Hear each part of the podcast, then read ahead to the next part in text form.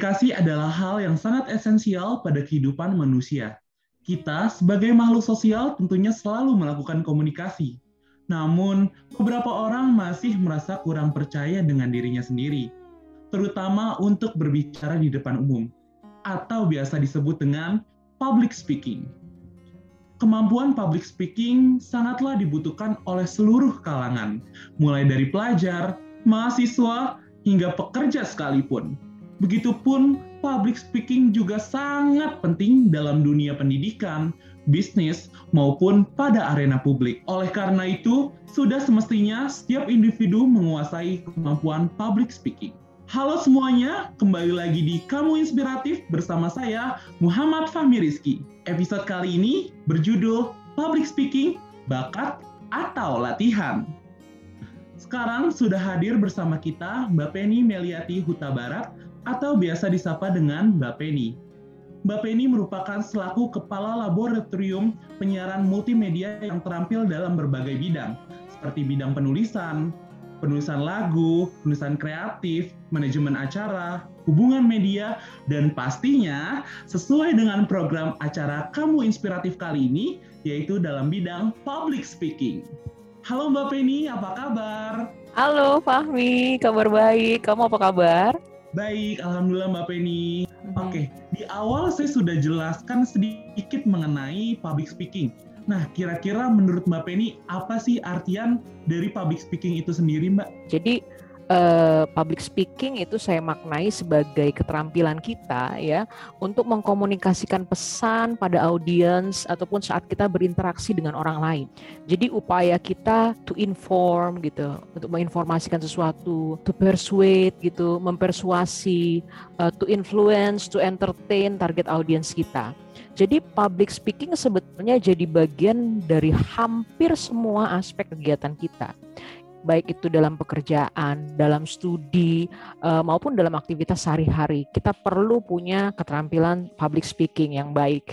Berarti seberapa pentingkah nih menurut hmm. Mbak Penny hmm. public speaking di era sekarang dan mengapa kita harus menguasai public speaking itu Mbak? Jadi memang di era new normal, di era digital ini kemampuan public speaking itu justru semakin penting ya dalam ya. berinteraksi yeah. dengan audiens di ruang-ruang digital, di ruang-ruang virtual seperti ini. Ya, ini gimana kita mengartikulasikan vokal, verbal dan visual secara efektif di era digital ini penyampaian perlu semakin ekstra jelas ya. Oh, okay. Apalagi kita menggunakan tool seperti ini karena audiens hanya melihat medium close up dan kadang-kadang uh, body language kita nggak terlihat jelas gitu kan. Iya ya? benar banget. Mm -mm. Nah Kemudian aspek visual itu juga berperan uh, penting dalam komunikasi digital.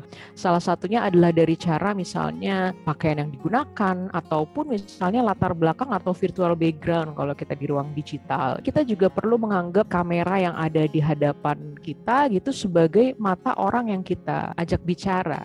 Okay. Supaya eye contact yang biasanya terjadi saat kita public speaking uh, di offline gitu ya, tetap muka langsung seperti yeah. sebelum pandemi, itu tetap terjadi. Gitu. Nah, ini perlu dan sangat penting agar terlihat komunikatif dan pastikan angle kamera berada di eye level atau sejajar mata. Lalu kalau tadi Fahmi bilang, kenapa sih Mbak kita perlu menguasai uh, public speaking? Gitu. Yeah. Nah, kemampuan public speaking ini sebetulnya uh, membantu kita juga loh untuk meningkatkan kemampuan berpikir kritis. Karena paham, ketika paham. kita public speaking, kita itu kan memilah kata-kata yang tepat, yeah. apa sih yang efektif gitu ya. Itu kerangka berpikir kita tuh terus uh, harus diolah supaya kita berpikir kritis gitu secara tidak langsung memantik otak kita untuk berlatih berpikir kritis gitu. Lalu kemampuan public speaking betul seperti yang tadi di awal disebutkan Fahmi bahwa itu juga uh, membantu untuk meningkatkan rasa percaya diri, membuat orang nah. lain juga senang, nyaman, bincang-bincang dengan kita gitu ya. Dan yang tidak kalah penting adalah meningkatkan kemampuan untuk pemimpin. Perhatikan hmm. bahwa uh, biasanya sebagai leader itu di, diharapkan punya kemampuan public speaking yang baik.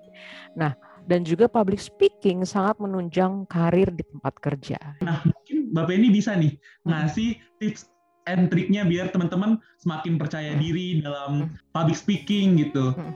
Oke, okay, betul. Uh, beberapa tipsnya yang saya bisa berikan ya dari uh, pengalaman dan saya masih terus berlatih public speaking. Ya. Pertama yeah. itu adalah percaya diri di hadapan audiens.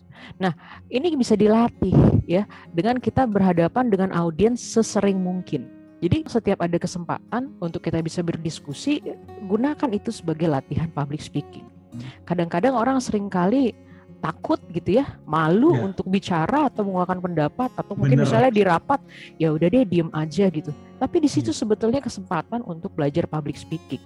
Nah, yang ingin saya sampaikan juga adalah percaya diri ini bukan berarti kita tidak merasa gugup, tapi rasa gugup, canggung, nervous itu itu wajar dan mungkin aja muncul. Tapi kuncinya adalah kita harus menceburkan diri atau istilahnya nyemplung gitu ya untuk melatih diri public speaking. Nah, dan yang gak kalah penting adalah percaya dirinya tetap disertai dengan kerendahan hati gitu ya. Itu benar, yang pertama benar. tadi. Uh, terus yang yang kedua nih, prepare and practice itu selalu saya pegang banget.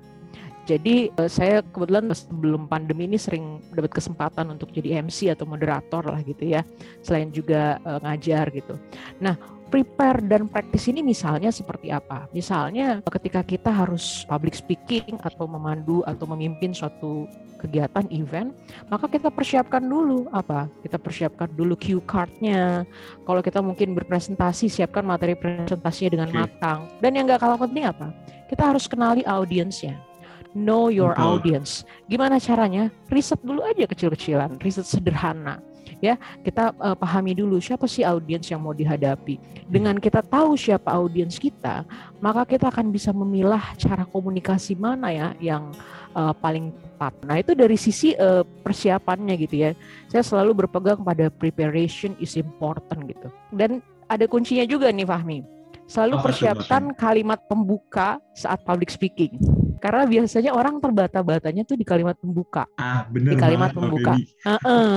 Nah, triknya adalah kita saat mulai public speaking tuh pokoknya kita udah persiapkan kalimat pembuka, lalu kita perhatikan suasana agar kita bisa menyesuaikan juga kalau itu acara informal mungkin okay. kita bisa sesuaikan, kita bisa mencairkan suasana dengan uh, sedikit humor yang uh, relevan dan seorang public speaker itu juga dia harus punya kemampuan membangkitkan uh, antusiasme lewat pesannya.